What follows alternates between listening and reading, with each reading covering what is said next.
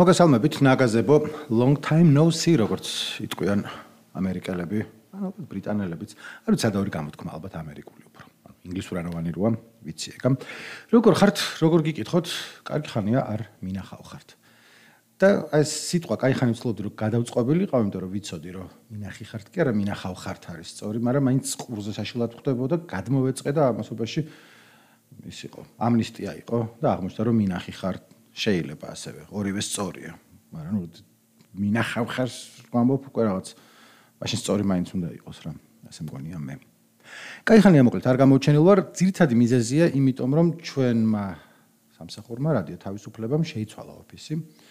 გადავედით უფრო posh უფრო რაღაცნაირ ადგილას შორს არ არის ტერიტორიულად ტერიტორიულად რაც მანამდე გქონდა. მაგრამ მაინც ჯერ ბოლომდე ვერ ავეწყეთ და არა გვაქვს სტუდია ისეთი აუდიოს ჩასაწერად კეთდება ერთი ორ კვირაში იქნება და ნუ უყურებ და ულამაზესი იქნება მაგრამ ხო ეხლა წერ რაღაც პატარა ის არის სახელდახელო პატარა კუთხე მოწყობილი რომელიც ცოტა ხანი აუდიოს ჩასაწერად რო გამოგადგება ადამიანს მაგრამ არ არის გრძელი ფორმის შთაგონებული აუდიოსთვის, როგორიც ყველა მიცით, რომ გახლავთ ნიკოს პოდკასტი, მიჩერი არა მაქრო სიმღერები შემოვიყვანო, გავიყვანო და ასე შემდეგ. ამიტომ, ხო, მანამდე მქონია ხოლმე რაღაც ხნიანი ერთი ორკვირიანი წვეტა, ცოტა მეტიც, როცა აა და ვერ წერდი ხოლმე რა, არ ვიყავი ხასიათზე, არ ვიცოდი რა მექნა და ეხლა პირიქით არის სავსე ვარ იდეებით. მე ვარ იდეებით სავსე. შენი მოსმენებით გამათბე მაგრამ ამ იდეებს განხორციელება სჭირდებათ ერთი მაგ გრძელი სერია მოფიქრებული რაც კავშირზე 70-იან მოკლედ კარგი ის ამაქვს რა. იდეებს რა უყوარი განხორციელება არის. ეხლა საჭირო. და ნეველავიზამ კიდევაც ეხლა ესე მომენატრა მოკლედ პოდკასტის ჩაწერა. მაგრამ ესე პაუზის მერე უკვე საქმეზე გადასვლა და ეხლა ნახე მოგიყვებით Boomtown Rats-ის სიმღერის შთაგონებას და როგორ დაეხმარა შემდეგან არ დაეხმარა ეთიოპიაში მშიერ ხალხს. ცოტა ესე მეჩვენება რა. ანუ მაგას ვაპირებ, მაგრამ მაინც მომზადებული მაქვს, კიდე შეიძლება აქედანაც გავაკეთო. მოკლედ, ის ბოდიშები და რაღაცები მორჩი უბრალოდ გამცნეთ, ვითარება, რატოა და როგორ სტუმრები кайხანი არ მეყოლება და აქა-იქ შემოვალ ხოლმე და ჩავწერ რამეს და თუ მოვახერხე უფროს გრძელი და ჩახლართული და ისტორიული იყოს და თავისი წიახსულებით ხომ კარგი თუ არა და ასე შემოვედი და ჩამოყრილი მაქვს რაღაც თემები რაც თავში მომდიოდა ამ წლის განმავლობაში 2024 წლის განმავლობაში და ეხავათ გაგაცნობთ უბრალოდ. ძირითადად წუწუნებია რა, ანუ რაღაცეები. ერთი პირველად დავინახე ახალ წელს შევხვდი ვისაც გაინტერესდა მაგრამ მოკლედ ჩემთან შევხვდი და მე წამოვედი სახლში. და ფეხით რო გამოვედი რუსთაველზე იყო სავსე ხალხით ძირითადად იყვნენ არა ქართველები და აფეთქებდნენ იმას რო ვთქვით რომ არა აფეთქოთ თქო ეგენი აფეთქებდნენ. ხმები იყო ძაღლებს ვიცით რომ ეშინიათ ერთი რუსის წვილი იყო, პატარა თეთრი პუდელი მოყავდათ. რა ვიცი, 2 საათია, 3 საათია რუსთაველზე გარშემო. აფეთქებები, ანუ ის კი არ არის ვთქვათ ადრე როგორც იყო ხოლმე, მაგრამ თრალი ხალხი დადის და ხლაპუშკებს ისვრიან, ანუ აი ბავშვები რო ხლაპუშკებს ისვრიან, ეგეთებს ფი ფი ფი ფი ხმარი. ეს ძაღლი ამ რუსებს რომ მოყავდა, თეთრი პატარა პუდელი. აი ესე კუდაბზეკელი ტკოპ ტკოპ ტკოპ ტკოპ ტკოპ ტკოპ ტკოპ წინ მი არც მარჯვნივ გაიხედა არც მარცხნივ გაიხედა მაგრა ეკიდა ეს ფოიერვერკები და უცებ შემშურდა მეთქი ხარ. ამ შულობა რუსის წვილი იყო თუ ვისი იყო მაგრამ ნუ მაგათი იყო ანუ ფაქტია რაც დავინახე და მეთქი ყოჩაღ ძაღლო რა. ანუ განა თქვენ ხარად ძაღლები ყავთ იმას ვაყენებ შეურაცხყოფას ჩვენიც ახლა ჩემიც მის არის მაგრამ კორა შიშახრო შიშარა ისედაც არის ხოლმე მაგრამ მოკლედ რო ფეთქდება რაღაცები ეშინია და სხვა მეგობრებსაც ხა ყავთ ზაღლები უფრო ისეთი დერსკები და რაღაცა და ისინიც ხა ფაერვერკის დროს იგრუზებიან ხოლმე. ეს თეთრი პუდელი არ არის. მიდიოდა.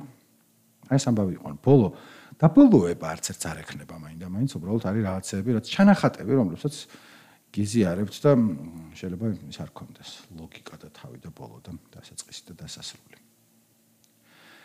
კიდე რა რა ხდებოდა იმ ამ ჯერ ძველი წლის ამბები უნდა მოვყვეთ ამბები რა ამბები არ არის არც ერთი ერთი და ძალიან ნერვები მომეშალა რივაინდებმა ანუ იდეა ხო იცით რა არის, წლის ბოლოს სხვა სხვა აპლიკაციები, საიტები, რაღაცები რივაინდს გიკეთებ, რომ მთელი წლის განმავლობაში აბა რა შვებოდი. არ ვიცი Spotify-მ დაიწყო თუ ვინმე სხვა, მაგრამ ნუ პირველად Spotify-ს ვიცოდი და Spotify საინტერესოა, მომენტ ვიღაც სხვისას შეხედავ, რომ აბა რას უსმენდა ამ წლის განმავლობაში და შეიძლება შენც მოგინდეს გაზიარება. ბაზარი არ არის, Spotify იქნება თუ Deezer იქნება თუ YouTube Music იქნება თუ whatever, რა აქვს მნიშვნელობა, შეიძლება ასწორებდეს. შეიძლება Netflix-მა რაღაცა გითხრას, არ ვიცი Netflix Rewind-ი ქონდა თუ არა, თუ იყო გამობრჩა, მაგრამ თანარჩენი სულ ყველაფერს ქონდა დედამიწის ზურგზე. მათ შორის რაღაცებს, რასაც არ უნდა ქონდეს ხოლმე. Bolt-ის Rewind-ი, რა შემჭირდა Bolt-ის Rewind-ი? აღმოაჩინე რომ 7 ჯერ ვიჯექი ერთ და იგივე ადამიანთან ტაქსიში. ისე რომ არ ვიცოდი ამის შესახებ და ძალიან ცუდად ვიგზენი თავი რომ მეთქი ჩვენ 7 ჯერ ვიყავით ერთად და ხებით ზოგ ცხოვს ცნობ ანუ ერთი ორი მეზობელია ჩემი და რომ იძახებ ხო იცი იქვე არის მანქანა გაჩერებული და ეს ალმებია ლაპარაკები მოდი ხარ იცი ვინ არის და ეს კონკრეტული ადამიანი არც ვიცოდი თან ეს დასამახსოვრებელი სახელი ქონდა ასე რომ ხო მაგრა არ გაასწორა და ისეც არანაირი საჭირო ინფორმაცია რო ნახე ამდენი კილომეტრი გაიარე თუ რაღაცა არ არ მეჩვენებოდა რომ ეგ საჭირო იყო რომ გააკეთებინა პოლს. ისიც ნერვს მიშლის ხოლმე არ ვიცი მობილური ბანკების აპლიკაციები თუ სარგებლობთ თვის დასაწყისში ახოლმე ტიბისისაც და მე მგონი საქართველოს ბანკმაც მიბაძა რომ შედიან აი რა უყავი პულს პულს მთელი ერთი თვის განმავლობაში და რო უყურ გული მისკდება სულ ხომ რომ თქვა და ხულმა next დავაჭირო არ მინდა რომ დავინახო რას უშვებოდი ფულს გასული თვის განმავლობაში. მე ხო ვიცი რომ თვის ბოლოს რეზერვებით არ შეხვედრი ვარ და პროფიციტი არ მქონდა ბიუჯეტში და ეს რომ ამ ფულს რა უყოს და ჩემი პრობლემა არის რომ მიმდინარე ანგარიშზე ბევრი ფული მაქვს დარჩენილი იმის ნაცვლად რომ ეს ფული ახლა ფულს წერდეს და ან აქციები ვიყიდო ძმაო და ან რაღაცა იქით იყოს გადატანილი სადაც ცოტა მაი არა ვარ მაგვითარებაში და ალბათ არც თქვენ არ ახართ და მოკლედ რა მირჩენე რომ ტიპისი მეგენი არ მაჩვენეს ხოლმე. ცოტა ისე გამომივიდა ხა მის ლაპარაკი რომ დავიწყე ჯერი საინფელდის სტენდაფივით თუ რაღაცა. ნუ what's the deal with bank roundup თუ რაღაცა, მაგრამ რა ვიცი, რაც რაც ქონდა ვინმესთან გასაზიარებელი ეგენი იყო და გიყვებით. და სადაგასა ვიბოდიშებ ხოლმე, რომ ე ვიდას მოსაყოლი იყო, მე მივიყევი და ხო, ეგეთი ეგეთი გადაცემა ბოლომდე ესე ჩავალ ჯაჯღან ჯაჯღანით. უბრალო ჯაჯღანი იქნება, ხო, აი მართლა გულიანი, ყვირილიანი ჯაჯღანი, არა, აი რაღაც what's the deal with what's the deal with ხაჭაპური? ხაჭაპურზე მინდა და მეთქვა. ეს შაშანდელი ამბავია, მაგრამ მოკლედ აა როგორ მოყვე მოკლედ მოსაწყენი შესავალი. ორი მოკლედ ჩემი მეგობარი ამერიკელი რომლის თვითონ აქ არისო და იმისი მეგობრები ჩამოვიდნენ საქართველოში და მომწერა რომ რაღაც აღამოსო გადითო გაგისწორდებათო და მოკლედ მე და ეს გოგო და ბიჭი ძა კანონში ვისხეთ ლუცვამდით და მე მე თქმა უნდა ჩამოთ მეთქი რაღაც ქართული ჯერ არ იყო გვიანი მაგრამ კაი შევჭამოთო და იქვე შევედით საჩ მასპინძელო ექსპრესი რა მნიშვნელობა აქვს თქვენთვის და რაღაც საჭმელები შეუკვეთე აქ აქ და ნუ ხაჭაპურის და ხაჭაპური არა ჭამეთო გუშინო უკვე მეთქი მეთქი ხო მეთქი მაგრამ ანუ რა მე მინდა მეთქი არ შეჭამო თუ არ გინდა მაგრამ მინდოდა ხაჭაპური. მე რომ მოვიდა ხაჭაპური ხო დღესაც ჭამეთო და მეთქი გასაგები აღარ გიათ არ მოგეწონათ თქვენი ნება მე მინდა რომ ჭამოდო. რომ მოიტანეს ხაჭაპური რომ თქვეს ეს რა არის მეთქი აბა რა ჭამე მეთქი შეჩემა. შეჩემა არ მithქვამს მაგრამ მაინც და აღმოჩნდა რომ ორი დღეა ჭამენ აჭარულ ხაჭაპურს. იმიტომ რომ სადღაცა რო ცხოვრობდნენ მანამდე ამერიკაში არა თქო ინგლისში იყვნენ თუ არა აქ მნიშვნელობა იცოდნენ რომ ხაჭაპური არის ეგ. ესო ნაჭამი გქონდაო ხაჭაპურიო აჭარულზე ლაპარაკი ლონდონშიო და კაი იყო მაგრამ აქო სამშობლოში გვინდოდა რომ გვეჭამა ამ დიდებული საკვებისო და ნერვები მომეშალა იცი? განა იმიტომ რომ ხარაც აჭარული ხაჭაპურის ჰეითერი ვარ. განსაკუთრებული ინჯოიერიც არა ვარ შეიძლება წელიწადში რამდენიმეჯერ მომინდეს და ვჭამო და ზაფხულში ბათუმში რო ჩახვალ ვინოხე თუ ჩახვალ ბათუმში ყოფილვარ საფხულში, მაგრამ მოკლედ, ანუ არა მაქვს ჩემ გულში სიცუდი არაფერი აჭარული ხაჭაპურის მიმართ, უბრალოდ მე მგონი პრობლემა ეს არის უფრო ფოტოგენურია ვიდრე ნამდვილი ხაჭაპური, AKA იმერული ხაჭაპური. იმერული ხაჭაპური შეხედავ ფოტოზე, ნუ თუ თუ არ გიჭამია, ვერ მიხვდები რატოა კარგი. აჭარული საინტერესოა რაღაც აკინალური ფორმა, კვერცხი რაღაცა, what, ყველი George and amazing cheese bread თელი ამბავი, მაგრამ ამასობაში ჩანაცვლდა მთელი არსი რომ ვი ხაჭაპური, ოქრო სტანდარტი ხაჭაპურების არის იმერული ხაჭაპური.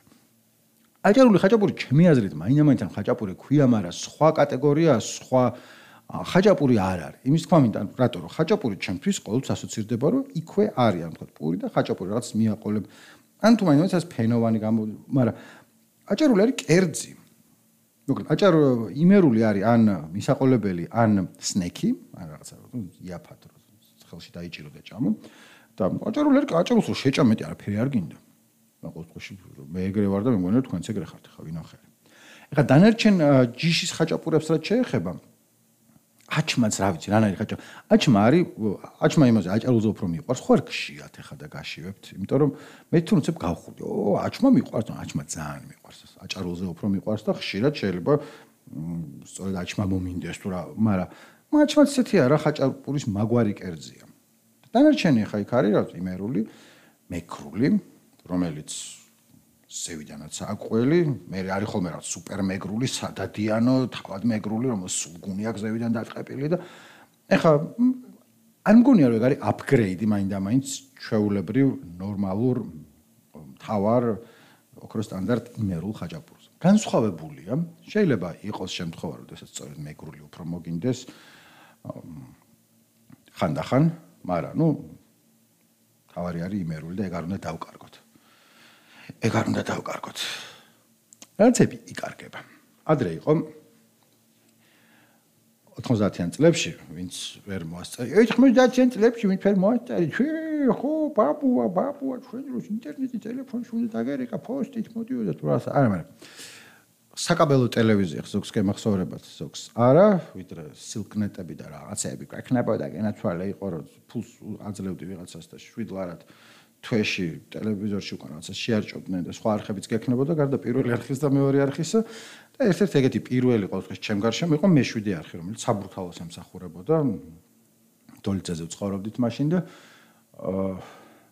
მეშვიდე არხს ჩართავდი და ის იყო MTV იყო მაგრამ და Super Channel-ი მოკლედ ერთი თავისი არხი ქონდა რომელსაც მეშვიდე არხი ერქვა რომელიც რამდენიმე საათი ოპერირებდა დღეში მანამდე მუსიკა თუ რაღაცები იყო ჩართული და ამ რამდენიმე საათის განმავლობაში ორან სამ ფილმს აჩვენებდნენ ხოლმე ზედიზე. აბსოლუტურად ლატარია იყო, რაც აჩვენებდნენ, ანუ რაც ხელში მოხდებოდა, შეიძლება ყოფილიყო თქო Pulp Fiction-ი პირველად მან ნახე, ახალი გამოსული იყო და არც ვიცოდი რა იყო. და მანდვე იყო რაც უიაფესი ჰორორები, რომელიც აი რაც აი ვერ აღწერ როგორ იაფად იყო გადაღებული. ყველაფერი იყო ხოლმე და ერთი პერიოდი ცდილობდნენ რომ თავისი ვიდეო პროდაქშენი ქონა, თავ გადაცემები ყოფილიყო თავისი საიდან დავიწყე? აა ხო, რეები გაქრა და საინფორმაციოსავით რაღაცა ქონდათ. და იყო გადაცემა თიკო ვირტუალურ სამყაროში.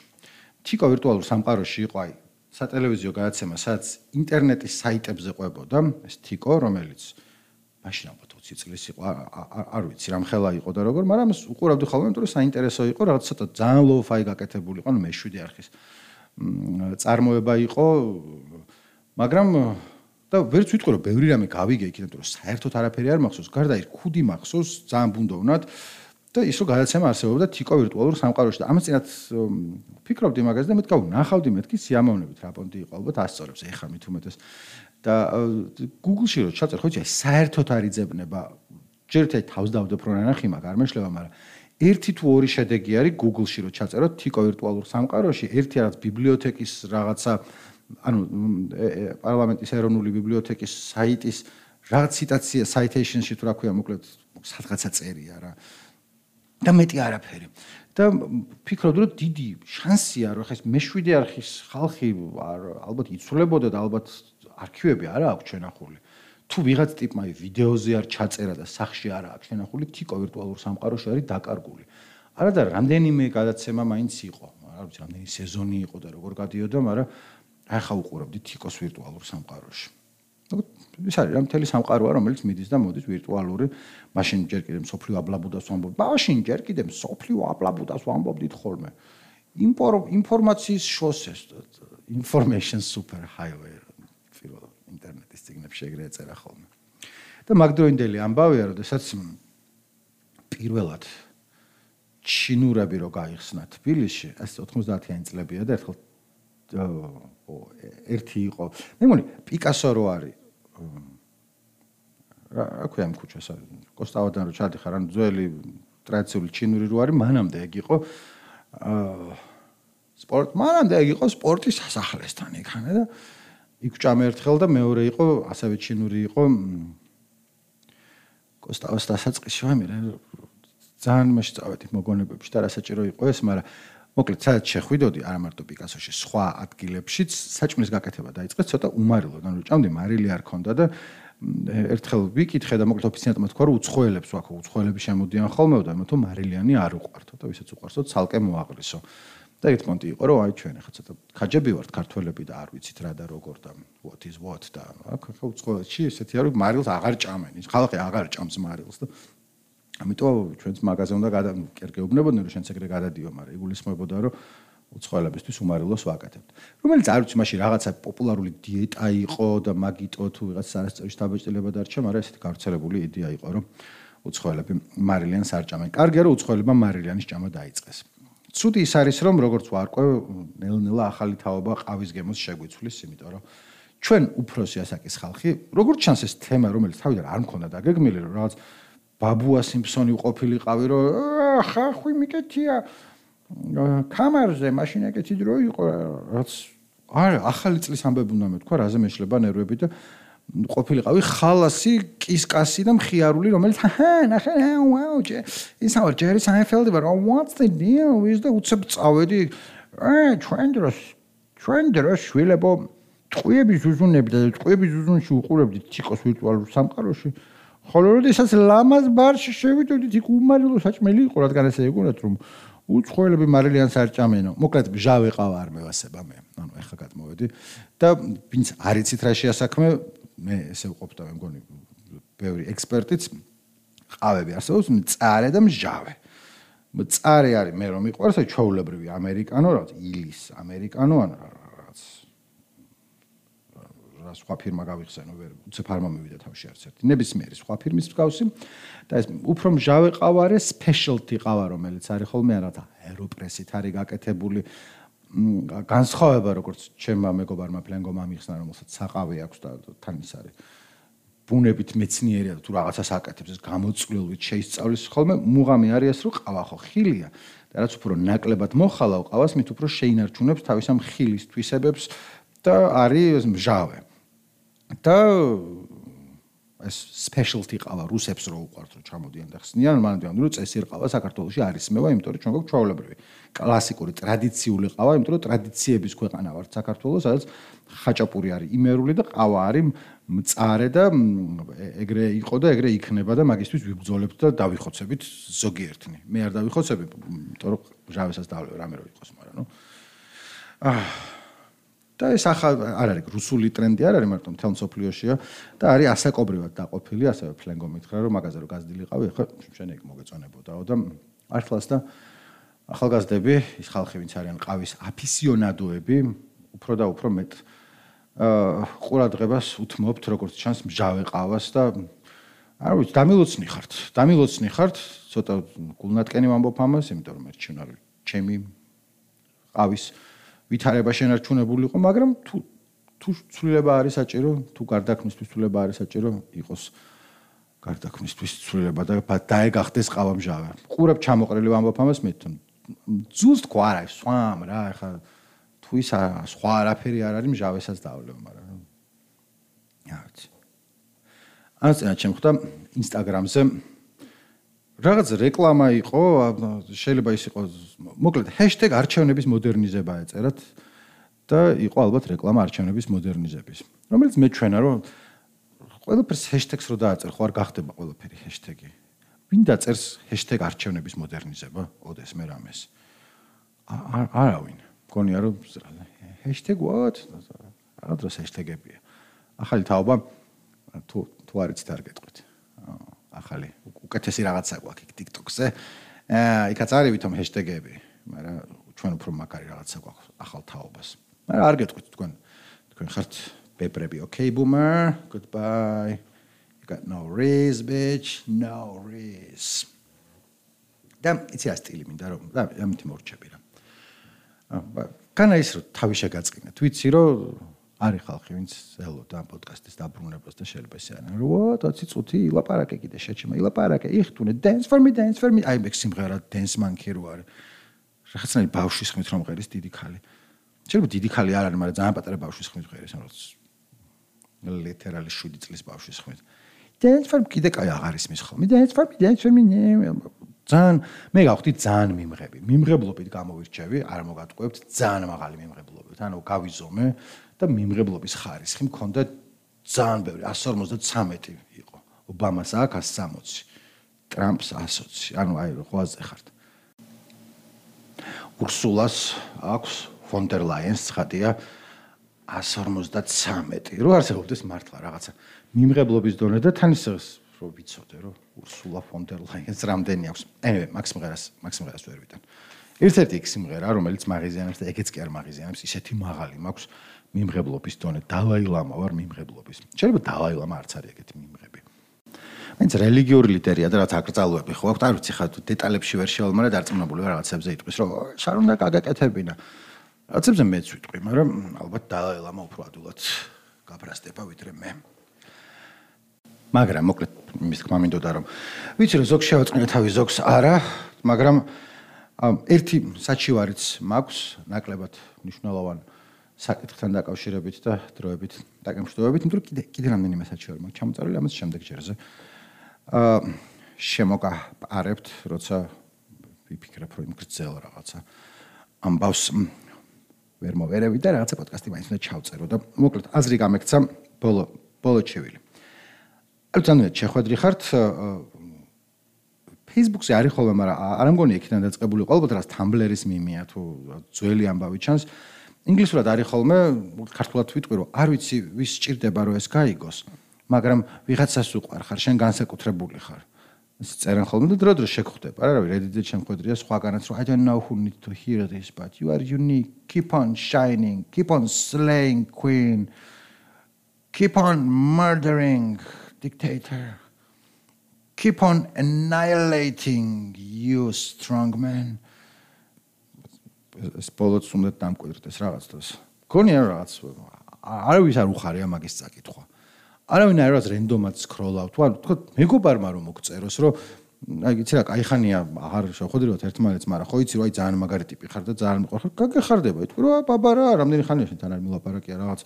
შეიძლება წლები აგასული, შეიძლება თვეები აგასული, მაგრამ თვეები აგასული, მაგრამ თუ ადამიანს იცნობდა რაღაცა ეს შემოვიდა რომ აუ, ეხლა არ ვიცი რა ხოძე ხარ ძმაო და ცხოვრებაში სადა ხარ, მაგრამ ყოველთვის მაგრამ ევასებოდი, შეიძლება მართლა შეგცვალოს და ესე იყო, მაგრამ რენდომ ვიღაც ტიპის ის რო დაგხვდება, განცხადება რომ არ ვიცი ვის ჭირდება, მაგრამ შენ ასწორებ, მაშინ მე მითხარი, გინა მეგობრის დაწერილი იყოს, მაგას ვამბობ, რომ მეგობარმა შენ თუ გამოგიგზავნა იმენა 1-1-ზე, ნიკო შხო იცი და მე გამიჩნდება შეკითხვა რომ ნიკუშს ვინ მეძახის მაგრამ ნუ არა ევარ რაღაცები ალბათ მეძახიან და აი ესე ჰაერში გასროლილი სულ ყველგან რომ მთელი სიყვარული მინდა რომ გადმოგაწუწოთ თავზე სულ ყველას. ჩემი სიყვარული მე ვარ სიყვარულით სავსე. ჩემი ალერსებით აგავსე ჩვენ დროშა სიმღერა ყველგან იყო ხოლმე. ჩვენ დროს კალაკალით გამოხუჯოთ ტყვიების ზუზუნში სიმღერა ის ბუდა. მე ვენ ნუ ნუ მამე კალათი ყავით